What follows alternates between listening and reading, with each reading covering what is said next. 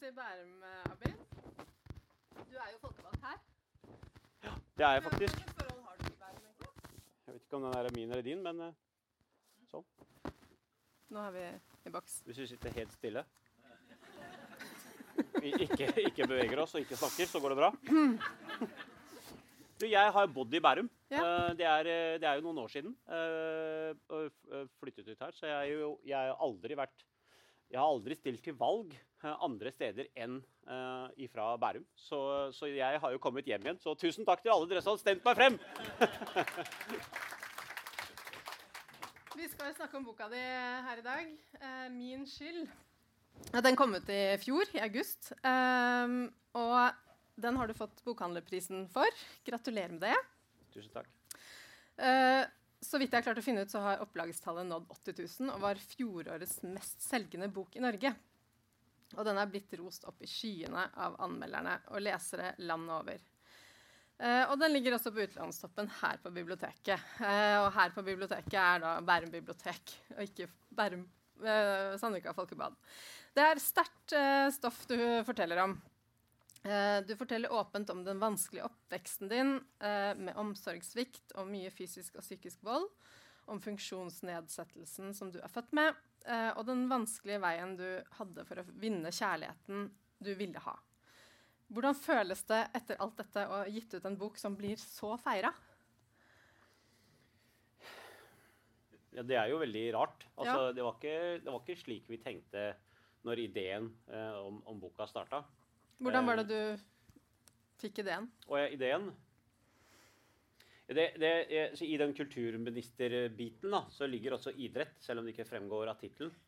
Så det var en dag eh, Berit Kjøll, hun er, eh, hun er eh, president i Idrettsforbundet, så hun eh, kommer til meg så sier hun Avid, vi må dra til Svolvær og klatre Svolværgeita. og så sier jeg til Berit eh, Berit, det er en god idé. Det, det gjør vi. Og så begynner jeg å tulle om at jeg skal hoppe mellom de der to hornene. da. Så jeg er på vei dit, og så sitter jeg og leser en, eh, leser en annen bok. eh, en bok av eh, forfatter Zishan Chakar. Han som tidligere har skrevet eh, 'Tante Ulrikkes vei'. Eh, gul bok. Så lander jeg i Bodø, og så legger jeg ut som post at her sitter en diger kultur- og likestillingsminister og har grått seg på vei fra Oslo med å lese den boka. Og så kom han eh, forfatteren på det første bokbadet på Rockefeller, som eh, like flink dame som deg, eh, Anne Grosvold, leda. Så, eh, og så sier han forfatteren jeg, vet du, jeg er veldig nysgjerrig på hva du gråt over. Eh, For den boka den handler jo om en mann, eh, Mani, som jobber i regjeringsapparatet med sånn, han er byråkrat og lager, med å lage budsjett, bitte liten del av budsjettet. Og som forfatteren sier, det er jo ingenting ved Manis historie som det er noe å gråte over. Så hva er det du egentlig grein for? Og det var det jeg ikke hadde turt å skrive da når jeg landa eh, og skrev den altså, e e Facebook-posten, for det var, hadde jeg ikke hadde jeg egentlig ikke bearbeida de følelsene som det satte i sving. For jeg, jeg pleier ikke å sånn reflektere over hva som skjedde i fjor. For i fjor, Jeg vet ikke hvordan det er med, jeg kjenner jo egentlig folk i Bærum veldig godt, men jeg tror vi er ganske like sånn. da. Men, eh, men i hvert fall ikke hva som skjedde 20 år sia. Så det som eh, jeg begynner å lese da eh, eh, boka, så handler jo den andre biten, den andre rollen her, er jo Mina, som er kjæresten til Mani. Hun opplever at hun ikke har frihet i sitt forhold. At eh, pga. religionen og kulturen og foreldrenes krav og forventninger og mannen sjøl, gutten som hun er forelska i, så opplever hun at hun ikke har frihet. Så, så begynner jeg å tenke på Nadia. Hvordan det var for henne og oss da, på starten av vårt ekteskap. Nå har vi vært gift i over 20 år. For det var sånn at hun 20 år siden så kunne hun komme sånn til meg og si Abid, det er venninnekvelden neste helg. Kan jeg få lov til å dra på den venninnekvelden? Det kan hende at det blir sent. Kanskje det blir midnatt. Får jeg lov til å være ute så sent? Og slik hun var oppdratt, da, så tok hun det for gitt at eh, hun måtte komme til mannen for å spørre om lov. Mm. Og slik jeg var oppdratt, så tok jeg det for gitt at det var min lov å gi. Og så plutselig sitter du i et flysete og, og er blitt eh, Glem kultur. altså Du har blitt likestillingsminister i Norge. Mm. Så jeg drar tilbake til Oslo, jeg bor nå, og så eh, må jeg Nadia er, psykologspesialist og jobber med doktorgrad i psykologi. Så jeg sitter hjemme på, på loftet, eller på Hemsen, da. Så jeg må klatre opp denne hemsen som ble mentalt tyngre enn den geita. Eh, så jeg kommer meg opp, og så «Be- Beklager hvordan det var for deg. Jeg har helt glemt. Ikke sant? Så, ikke sant? Og, ikke sant? Og hvordan det, så, å gå gjennom hele den historikken. Ikke sant? Og, og, er, og nå har jeg holdt på et kvarters tid. Um, hun har sittet helt stille. Det er bare én plass eh, på den hemsen. Den sitter hun på. Og så sitter jeg der, og så har jeg Og så har hun bare sittet og hørt på, og så lener hun seg frem. Så holder hun meg her, da. Så sier hun Så bra du har kommet til den erkjennelsen.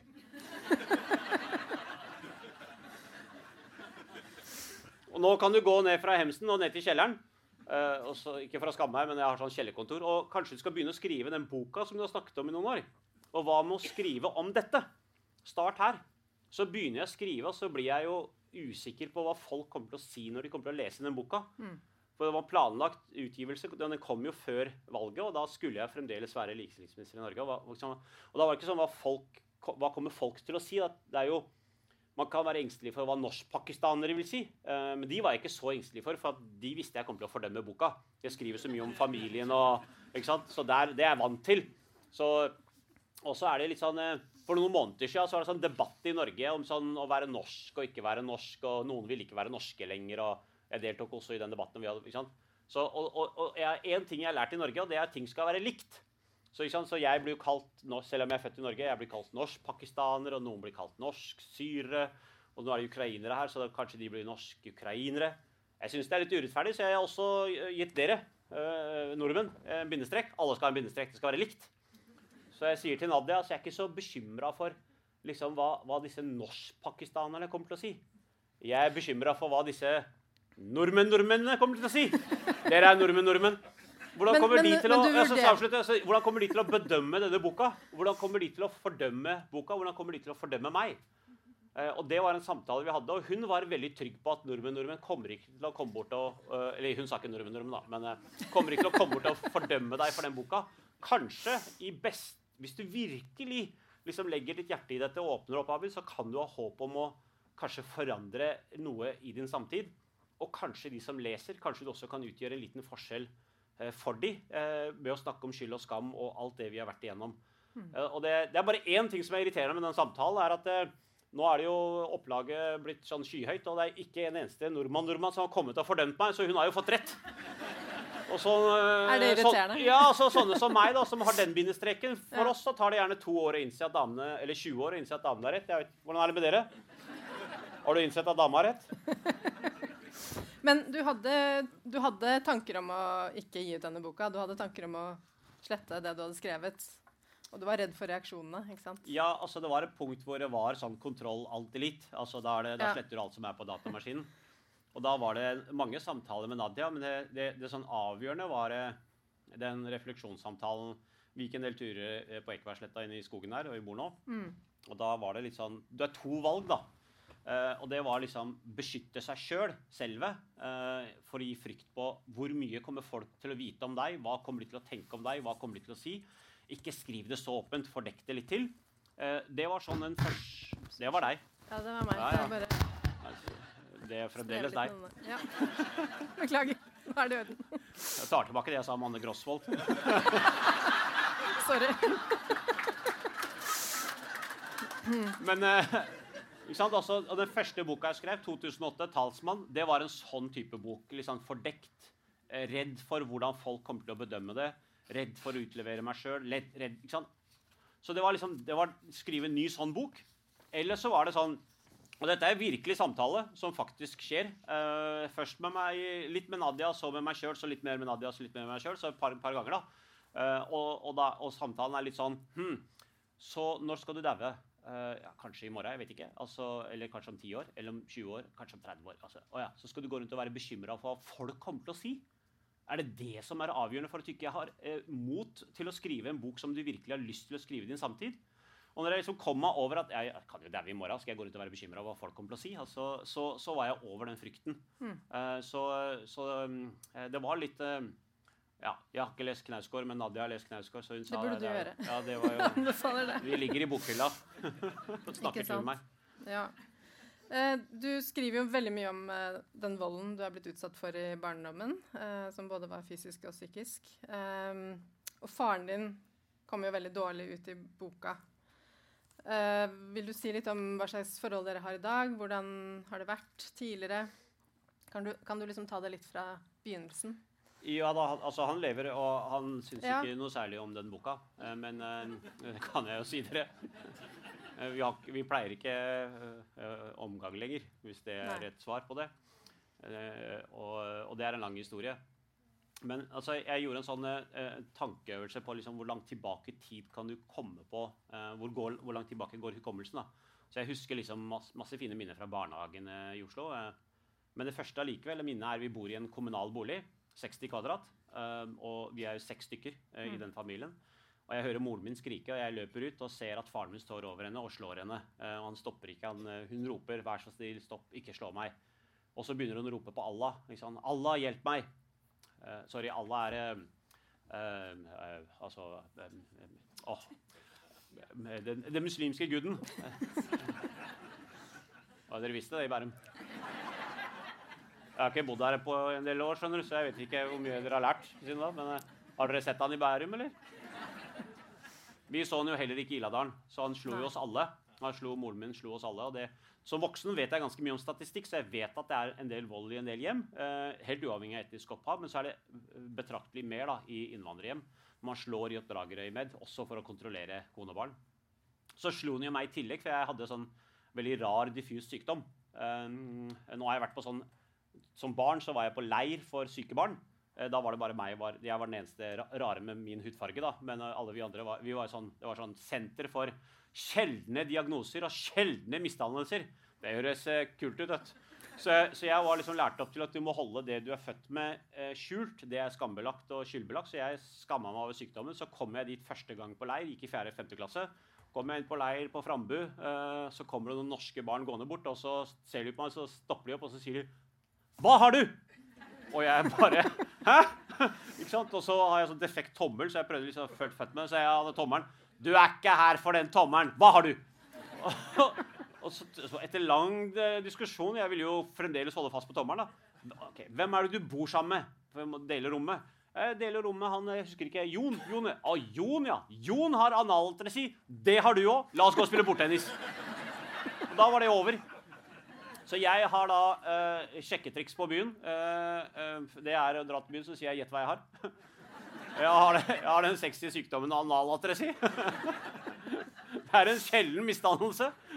Ja, Det betyr at du er født uten basically betyr at du er født uten rumpehull. Eh, og det er ikke, løp mot nødutgangen. Jeg har rumpehull nå! Det går bra. Jeg ble født uten, men ble operert dag én. Så skjedde det noe spesielt. Jeg bodde faktisk her som jeg sa, i Bærum, Youngsåsveien.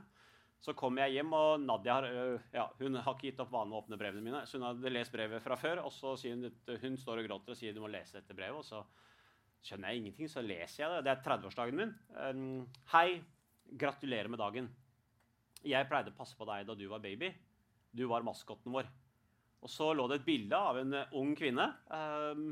Par og 23-24 år, og så en eh, brun, brun liten baby. Aldri sett den brune babyen. Signert Grete Bakken. Aldri hørt om Grete Bakken. Eh, men jeg var jo mye på sykehuset, så tenkte jeg kanskje ikke sant? Men allikevel det var det litt spesielt brev. Så jeg drar og oppsøker Grete Bakken da, eh, i Drøbak. Eh, Hun bor her ute. Traff henne sist nå i vinterferien. Så kommer jeg liksom inn i stua og kjøkkenet, og så, så, jeg på, så, så henger jeg på kjøleskapsdøra. da. Ikke jeg som henger på det! Altså et bilde av meg. sorry. Altså, og ikke sånn Abid Raja 30 år. Det hadde vært litt rart. men, men sånn baby. Og så runder hun av en del sånne vanskelige spørsmål fra meg. sånn Etterpå så har jeg skjønt at hun mente hun hadde taushetsplikt, så hun kunne ikke fortelle så mye. Men i forbindelse med boka så henta jeg pasientjournalen, for jeg har jo ikke noen hukommelse fra jeg ble født. Nei, så Jeg klart. måtte liksom skjønne dette. Og da kommer det en del ting frem da, som uh, var litt sånn Ja, Um, dere vil skjønne dette. Altså, Jeg blir født på Aker sykehus, og så blir jeg frakta til Ullevål dag én. Så står det i den journalen at pasienten er alene. Um, kommet alene. Det var ikke så rart ikke sant? Den gangen. 1975. Eh, men så står det dag to, og pasienten er alene, ingen har kommet på besøk, foreldrene er ikke oppdrivet. Dag tre, dag fire, uke én, uke to. Og så spør jeg da Greta hva er dette for noe. Jeg skjønner sant? Når jeg har lest alt sammen, hva er det som skjedde? Jo, så lenge du var eh, syk og døgnkontinuerlig pleie var nødvendig, så var det team på deg både dag og natt. Men på et tidspunkt så var de utskrivningsklar, men ingen kom for å hente. Så da var det jo alternativet å la deg ligge der og glo opp i taket da, mm. på natta, eller resten av dagen. da. Så da, Se for dere det her i dag. da, så På Bærum sykehus så blir det født en Og så går en sykepleier, ung kvinne, blond, til avdelingslederen, og så sier hun Du, det ligger en brun baby der. Hva skal vi gjøre? Så sier avdelingslederen Jeg har en god idé. Jeg har en barnevogn jeg, som uh, står nå uh, liksom, i, i garasjen. Jeg henter den. Så gir hun den til den unge kvinnen. Mm. Tar hun den brune babyen, så triller hun den babyen ut av Bærum sykehus. Tenk dere det, at 40 biler hadde rykka ut fra politiet igjen for å stanse det der. Og Grete den gangen bare fortsatte fra Ullevål sykehus ned til Maridalsveien, hvor de hadde sykepleierhybler. Eh, så sier hun jeg var jo veldig glad i deg. Du var jo ikke bare vår maske, du var jo som babyen min. Eh, men det var bare én seng, det var 20 kvadrat. Og altså, det var, det var, jeg kunne ikke sove i samme seng, så jeg måtte jo finne en løsning. Men heldigvis så hadde jeg en kommode. Så jeg trakk jeg skuffen ut, tømte den skuffen, la et teppe der. Da lå du og sov. Og så dro hun da tilbake til sykehuset, og så var jeg på sykehuset igjen. Og så eh, hjem igjen, da, og så inn i den skuffen. Um, og hun har masse bilder fra liksom, hun strikka tøy til meg. og På et eller annet tidspunkt da jeg ble litt eldre, så sa faren min til meg en gang sånn herre 'Du har blitt så norsk'. Så tenkte jeg ikke rart, jeg har jo bodd i den skuffen. og så er jeg novemberbarn, så første jula tilbrakte jeg hjemme hos Grete. Og så går det liksom eh, sant, Uke én blir til en måned, og to måneder, og tre måneder, og fire måneder, og over fire måneder har gått. Og så kommer foreldrene mine for aller første gang på sykehuset. Jeg har overlevd og tar med meg hjem. Og faren min slår, som jeg sa til dere, alle. Eh, men han slår meg i tillegg for jeg er syk. Du vil ikke bli frisk!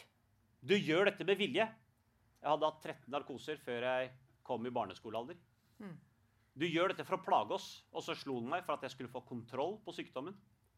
Ehm, han kunne henvende seg til Allah mens jeg hørte på. Hva galt har vi gjort? Hvilken straff er det du gir oss gjennom ved å gi oss denne sønnen? Du kommer aldri til å bli noe.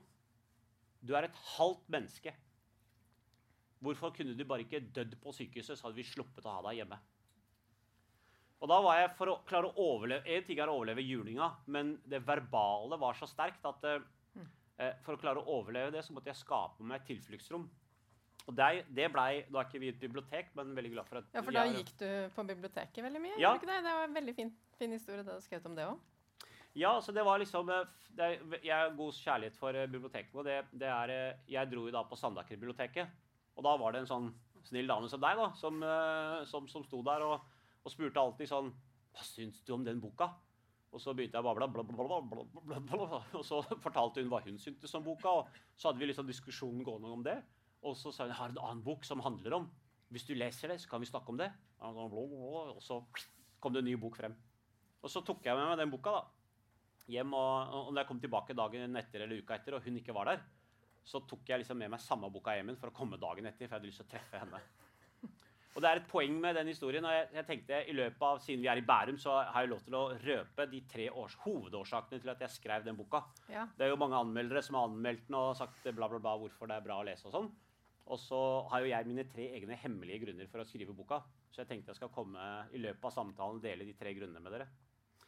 Uh, og, og dette er, starter på grunn nummer én her. da, er eh, Jeg fortalte en sånn historie i en medie en gang om at bibliotekets betydning Ikke denne historien, som jeg forteller dere nå, men litt sånn, litt, sånn, ikke Biblioteket var viktig for meg for at jeg fikk utdanning.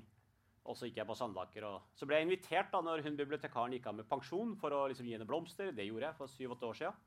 Og så tar jeg Ranveig til side, og så sier jeg til henne alt det vi har snakka om nå. Hvor viktig det var for meg at du så meg. Hvor viktig det var for meg at du hørte på bablet mitt. At du bygde opp under. Fordi at du lærte meg alt det å lese. Så når faren min sa du kommer aldri til å bli noe, så var jeg dragebekjemperen. Når han sa liksom, hvorfor døde du ikke bare på sykehuset, var jeg Matilda. Altså alt det du har betydd og utgjort av forskjell for meg. Og så ser hun på meg sånn. Så sier hun Men jeg har jo ikke gjort noe. Og i min bok, på første side, når man blar opp, så står det eh, det er sånn, eh, Den er dedisert til. Tilegnet til. Og så 'Til min landsby av oppdragere'. Til min landsby av oppdragere. Det spiller jo på det gamle slagordet. Så? Altså, eller folkeordet. Det, det, det er jo ikke noe landsby i Pakistan. For meg så er min landsby Bl.a. Grete, som helt uselvisk tok med meg fra sykehuset i fire måneder og pleide meg som sin egen. Det er som Ranveig, som alltid sto der og så at et barn trenger voksenkontakt. Og det er mange andre som jeg har identifisert for at jeg har klart meg til tross for oppdragelsen hjemme. Og Formålet med å skrive den boka, eller formål nummer én, det er å bevisstgjøre og oss og hverandre på. For jeg tror dere er litt som Ranveig på biblioteket på Sandaker. At når dere får en takk, eller uh, gir en takk, så er det samme responsen, men jeg har ikke gjort noe. Det var jo så lite. Og jeg har trua på det at hvis vi blir bevisst på at det vi gjør, selv om det føles lite, at det faktisk er helt vital forskjell for de andre, så tror jeg på at vi kommer til å bli 5% bedre bare fordi vi er bevisste på det. Og tenk hva vi da kommer til å bety for barn og unge i vår omgangskrets, eller søsteren din, eller naboen din, eller kollegaen din. Jeg har da stor tro på at hvis vi blir bevisste dette, så kommer vi i sum til å bli enda bedre landsby for hverandre.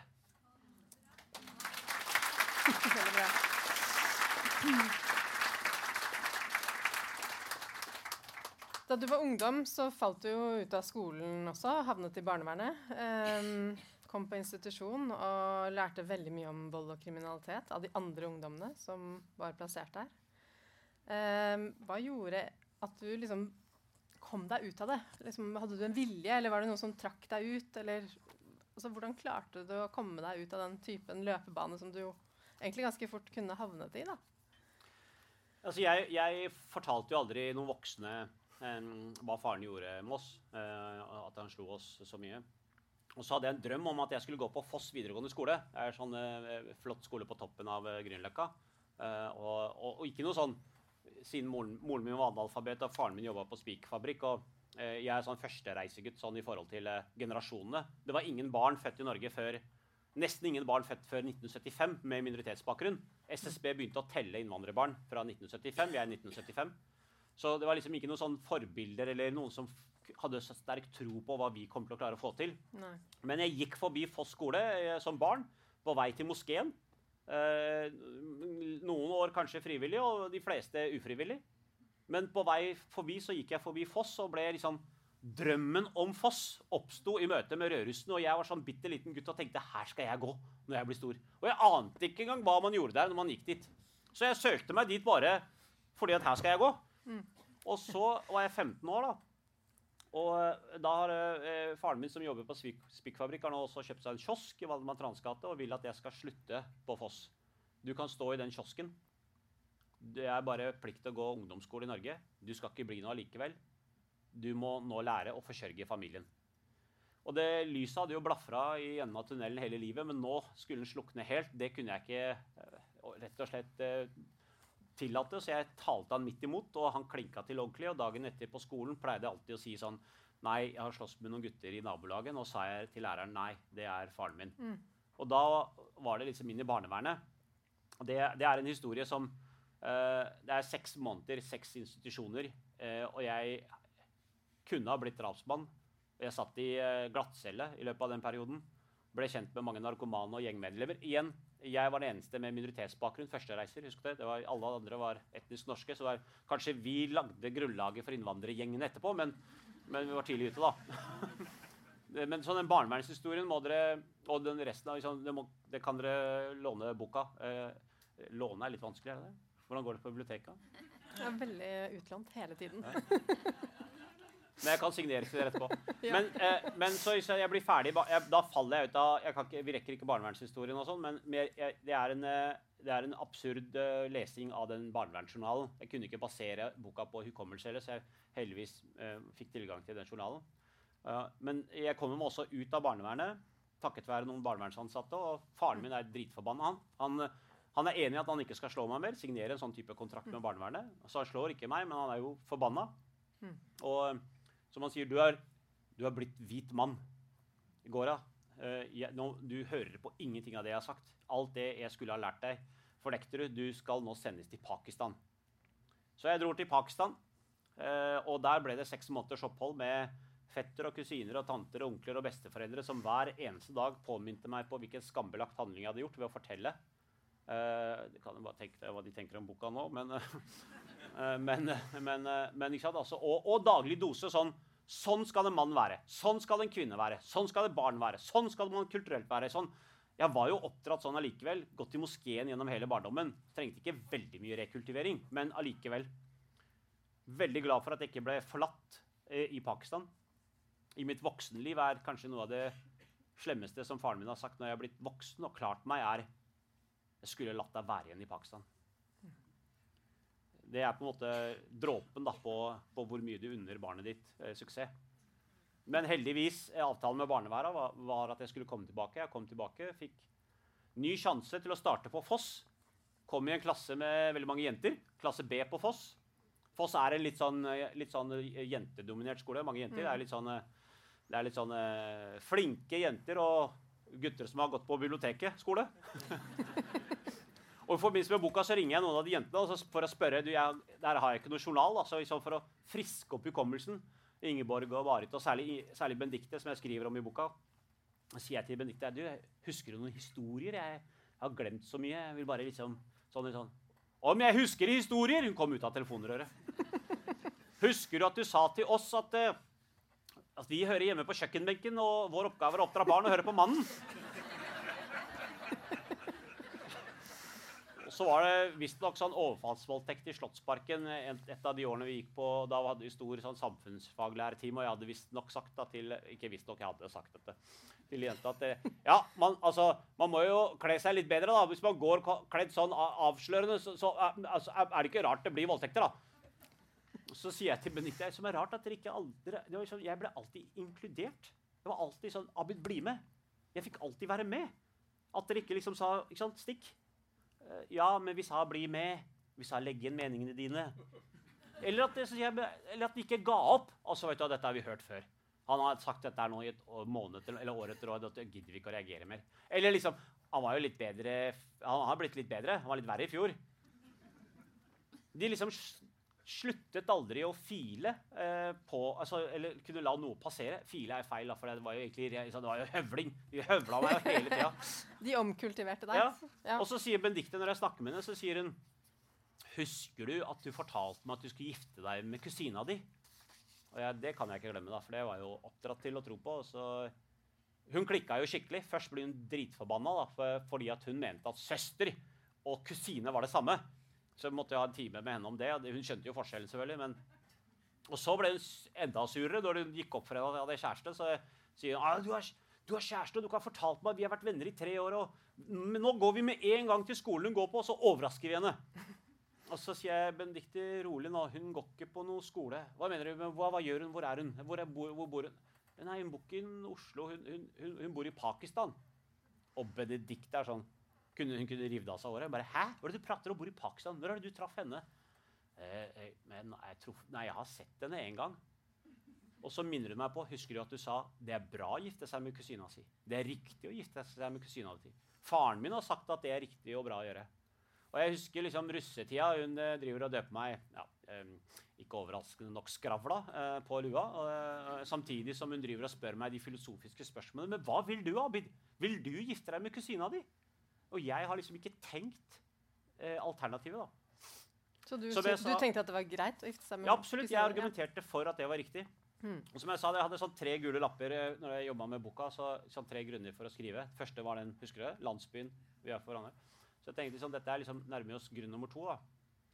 Altså Med den, med den uh, historien som dere har hørt uh, om uh, Altså, selv om jeg var, gikk på biblioteket da, og fikk lære å lese og, og gikk på Foss og sånn, så, så liksom, ja, med den fødselen og med, med, med, moren som ble slått og kalt hore, og med reisen til Pakistan og denne sekvensen med jentene i tre år på, i klasse B på Foss Selv om jeg tar utdanning, så, så skal jeg, jeg skal bli ganske mye rart i Norge, heldigvis.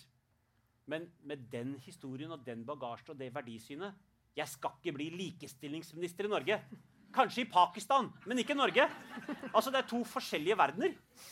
Og mål nummer to med boka er å forsøke å gi et håp om at det du tenker, for deg selv kanskje, eller for de andre i dine omgivelser At du tenker at Men det er helt umulig. Det går ikke. At kanskje det ikke er umulig allikevel. Kanskje det er mulig. Kanskje det umulige er mulig i Norge.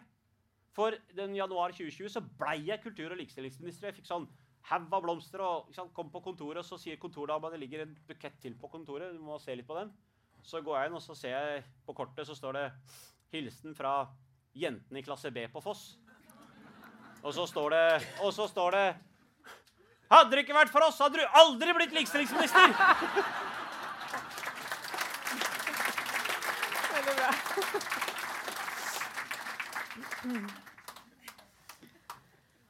Eh, Men så eh, møtte du Nadia. Eh, og det var ikke noen eh, enkel historie, det heller. Eh, du måtte jo kjempe skikkelig for den kjærligheten. Ja. Du kan jo si det, noe om det først, da. Hva dere gjorde, hvordan, Ja, altså, jeg, jeg, hvordan dere møttes, ja, så jeg, ja, hvor vi møttes, ja. Jo um, hvordan det var. er det vi lurer på. Jeg, eh, altså jeg, jeg startet på universitetet, og så ble jeg med i en sånn studentforening. Og eh, januar, da, sånn par, egentlig bare halvt år etter vi var ferdig på videregående, så er vi på sånn studiemesse på Kjølelys, hvor den gangen så pleide elever fra videregående å komme for å få informasjon om høyere utdanning. Så da var jeg der fra den studentforeninga og skulle rekruttere nye medlemmer. da. Eh, og, jeg, eh, og da ser jeg liksom en jente eh, kommer der med sånn ja, Hun har veldig sånn kul kledd med sånn, sånn militær sånn kamuflasjebukse. Sånn militærbukse. Det var sånn inn på Army Shop tror jeg, den gangen. Og så tenker jeg, ser jeg henne, og så tenker jeg oi, eh, hun var veldig eh, hun, hun var veldig eh, attraktiv. det var akkurat det jeg tenkte. Men, og så var det sånn flem med verveboka. da, ikke sant? Nei, eh, ikke sant? Jeg er fra den og den foreninga, og, hun er ikke så veldig interessert.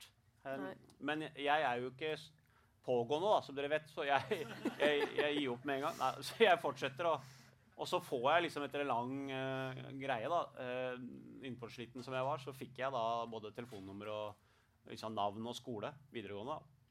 Og så Dagen etter så tenkte jeg nå skal jeg manne meg litt opp og ringe henne og skal spørre liksom, ja, hvordan, vet ikke hvordan jeg skal spørre, men jeg skal prøve. da. Og det er jo, eh, Dette har jeg snakka med Benedicte om den gangen, at jeg, hun hadde putta så mye griller oppi hodet mitt. Altså Jeg hadde ikke tenkt å forfølge dette hvis det ikke var for alt det de jentene i klasse B, som jo også er en del av min landsby, som har vært med på å oppdra meg.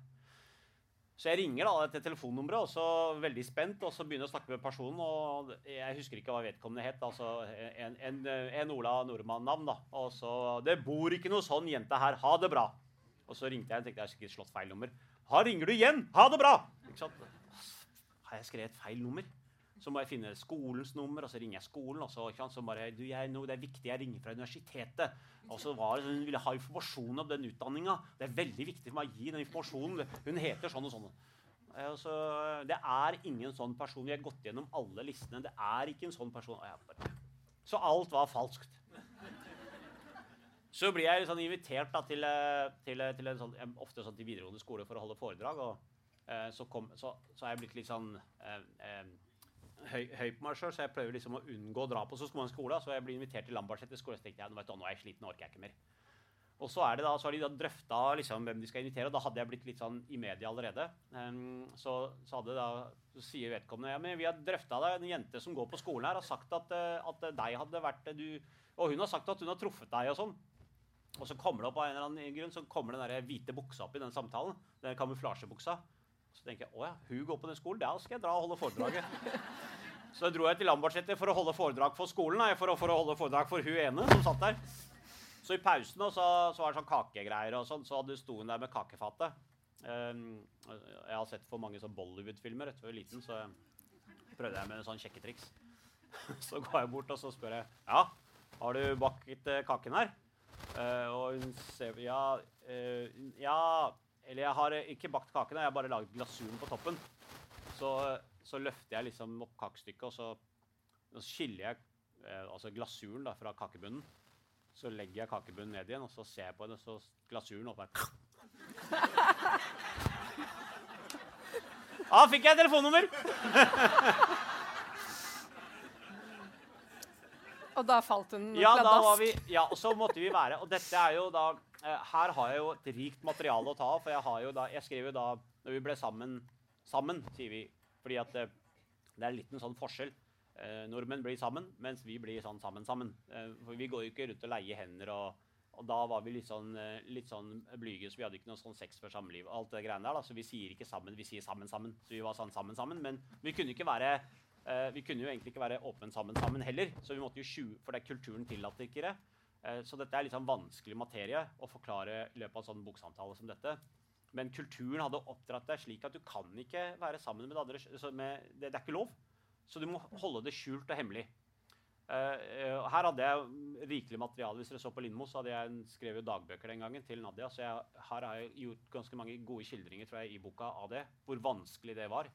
For det starter jo da en diskusjon også hjemme på et tidspunkt hvor uh, uh, For det å forbli singel, det er ikke et alternativ.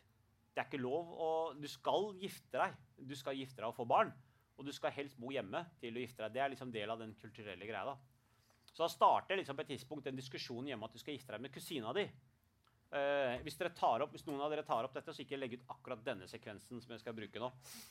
Uh, jeg har litt sånn uh, samtale med Benedicte også, da. Så da begynner jeg å si ting da, til faren min som Sorry. Altså, jeg vet ikke Ta og Legg den der, kanskje. Legg den der?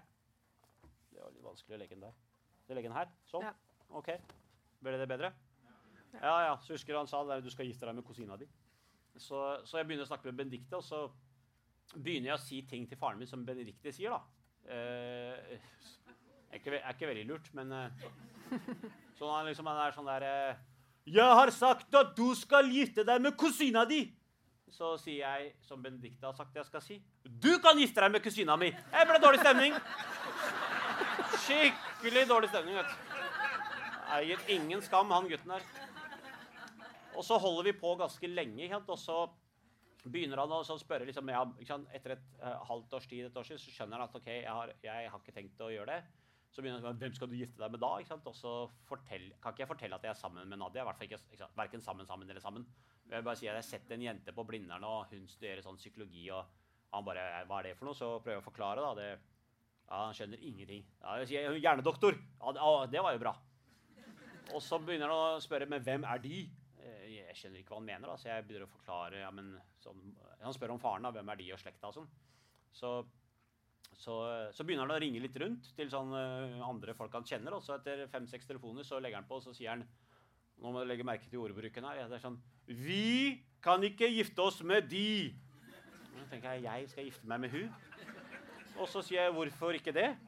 Fordi de er smedkasten er ikke riktig, fatter'n. Altså, faren til Nadia han eier sånn gatekjøkken. Og han bor i sånn villa, og, og, og han har Mercedes. Er ikke smed. Ikke, ikke han. Han sin far, sin far, sin far. Sin far, sin far, sin far, sin far, sin far. Sin far, sin far, sin far, sin far, sin far, sin far, sin far, sin far, sin far. Sin far var smed. Han er smed. Hun er smed. Og Benedicte dukker opp igjen. Så sier jeg, 'Pappa, du jobber jo på spikerfabrikken. Det er du som er smed.' Det ble dårlig stemning. Og så finner da, så finner da de De finner ut at vi vil ikke gifte oss med de. Og da blir det så god stemning de, hos de, vet du. Fordi at vi ser jo ned på den gjengen der. Og da er det fem og et halvt år med krig med foreldrene. Jeg på min side og hun på sin side. Og svært mange av vi vi kjenner fra den tida, ga jo opp kjærligheten og gifta seg med folk eh, som foreldrene kunne akseptere. Eh, men våre gir opp til slutt. Eh, Fattern min sier jo sånn eh, Kjærlighetsfeberen din går ikke av. Og så blir det sånn kompromiss er at uh, vi må dra til Pakistan for å gifte oss. Vi kan ikke gifte oss i Norge. Så det ble syv dagers bryllup fra helvete i Pakistan. Vi har syv VHS-kassetter VHS fra det bryllupet. Vi har flytta tre ganger. De, de kassettene har flytta også tre garasjer. Vi feirer ikke bryllupsdagen. Uh, vi, har ikke feir, vi, har vært gift i over 20 år. Vi feirer ikke bryllupsdagen. Vi feirer den dagen vi ble sammen. Ikke sammen. Sammen, sammen. Det er den dagen vi feirer. Ah, moralen med historien. Ah, jo. Vi blir gift og flytter henne. Og dere hørte jo innledninga hvor hun måtte komme til meg og spørre meg om sant, basic lov til å gjøre ting. Sant, de tingene vi var oppdratt med, selv om vi har kjempa om kjærligheten, de har jo ikke blitt borte. Det er jo det, det er Nå starter jo realiteten. Det er nå vi blir sammen.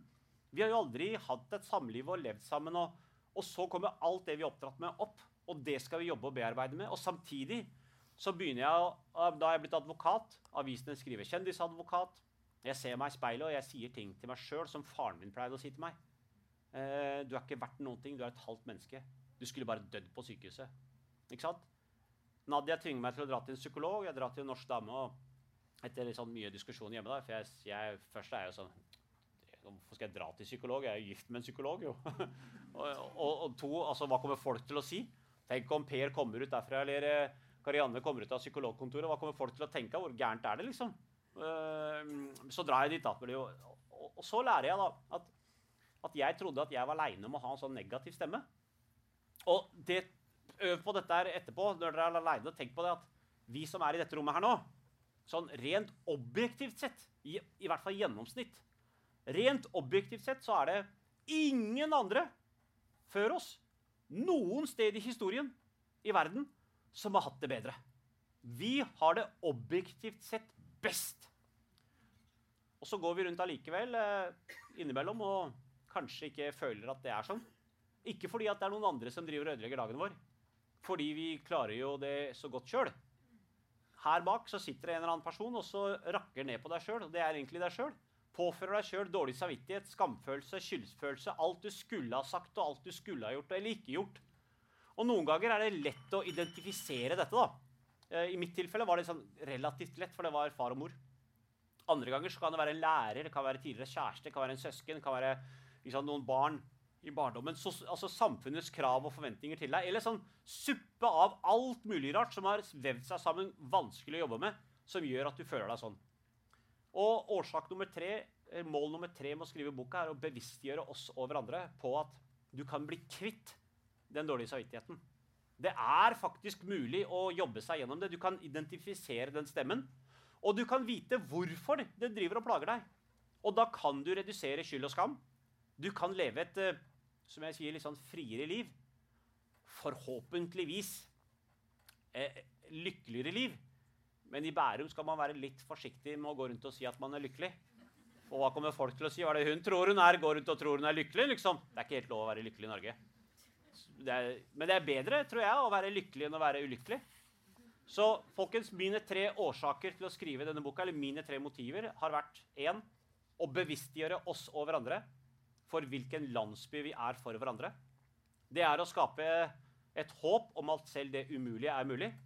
Og at du kan bli kvitt skyld og skam, dårlig samvittighet og leve et friere og kanskje også et uh, lykkeligere, lykkeligere liv.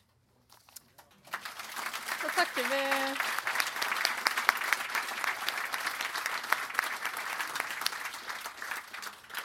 Da runder vi nesten uh, straks av. Um, jeg vil bare Døtrene dine er jo født i Bærum, ikke sant? Mm. Og du har snakket noe om uh, fødselstakknemlighetsgjeld. Mm. Hva er det? Ja, altså, I den krangelen om kusina så, så pleide også faren min å si sånn Du skylder oss. Vi mm. har født deg. Vi har født deg, og vi har fostret deg og gitt deg alt. Særlig det med at vi har født deg, her er liksom ekstremt uh, tyngende. Og du skylder oss. Og du kan iallfall gifte deg med kusina di for oss for alt det vi har gjort for deg. Mm. Og jeg har tenkt det, at det er sånn det er. Og følt på den dårlige samvittigheten. Og så blir, kommer første barna mine. Uh, jeg og Nadia vi, vi, står og, vi er her i Bærum, og Maja og Sara blir født. Og jeg ser på de, og, og det er da liksom brikkene faller på plass. da. Jeg føler det motsatte av det faren min har sagt. Jeg føler på takknemlighet og jeg klarer ikke i min beste sånn, forsøk på å tenke at de skylder meg noe. Og så begynner det også å komme telefoner fra slektninger eh, om hvilken byrde vi har fått. To jenter. Ikke sant? Straff av Gud. En prøvelse. Eh, og det, alt det der likestillingsgreiene som var sånn teori og liksom samfunnsdebatt, da ble det liksom i prakt, falt liksom puslebrikkene litt på, på plass at disse døtrene her, disse jentene her, seinere også en gutt, de, de, skal ikke bli oppdratt med noe fødselstakknemlighetsgjeld. Disse jentene skal ikke vokse opp med noe mindreverdig liv enn andre. Og, og, hvis det er noe vi kan ta med oss fra, fra, dette, så er det at vi foreldre vi skal være så utrolig happy for at vi får barn. Eh, så er vår oppgave å gjøre alt det vi kan for at de skal Det vi mener er å velge fra øverste hylle, Og så velger kanskje ikke de fra øverste hylle som vi mener er øverste hylle. Kanskje de velger fra en hylle vi mener bare er medium hylle. Eh, kanskje de bare velger noe helt annet enn det vi eh, mener at de burde velge. Men vår oppgave da er å støtte de i det valget de gjør, og være der for de. Og vi skal aldri påføre barn skyld og skam. Barn er ikke din eiendom. Og hvis vi oppfører oss godt overfor barna våre, så kommer de barna til å komme frivillig og glade tilbake til oss om og om og om igjen. Tusen takk for at du kom hit i kveld, Abid Raja. Jeg er veldig, veldig takknemlig for det. Og så vil jeg bare si en gang til at vi har uh, Høvik bokhandel her som selger bøker, og du vil gjerne signere, så kjøp til hele familien. Ja, Hvis alle de, alle de Bærum som har stemt på meg, skal få en signatur Nei da. All, alle som vil ha, skal få. Tusen hjertelig takk for at dere kom. Det setter jeg utrolig stor pris på. Det, jeg tar ikke det for gitt. Og, og hvis vi fortsetter å, å bygge fellesskapsverdiene, så kommer dette til å bli et sterkt samholdsland med, med, gode fellesskapsverdier. Vi må ha tro på at vi kan endre kultur og ukulturer. Og vi må ha troa på at selv om noen har feilet før oss, så kan vi gjøre det riktige. Og sammen kan vi bygge et godt og trygt samfunn for alle. Tusen takk for at dere kom. Tusen takk for i kveld.